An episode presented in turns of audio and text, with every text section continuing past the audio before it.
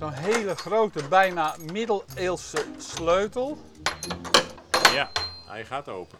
In de podcastserie Het Verhaal van Groningen open ik, Beno Hofman, de deuren naar de geschiedenis. Dus hier in Ezing is eigenlijk de hele kijk op de geschiedenis van Noord-Europa veranderd, Beno. Dus ze hebben hier gewoond, ze keken hier de laagte in en ze moeten daar heel veel hunebedstenen hebben zien liggen. Wie waren de eerste Groningers?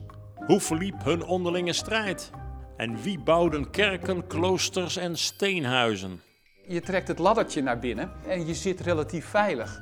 Alleen dat gebouw is al zo ontzettend bijzonder. Dat moet je eigenlijk een keer meemaken. Van Bommen Berend en Groninger Jonkers tot de gevolgen van het aardgas. Ja, dan zijn we in de kelder. Maar dit is nog Even niet... bukken.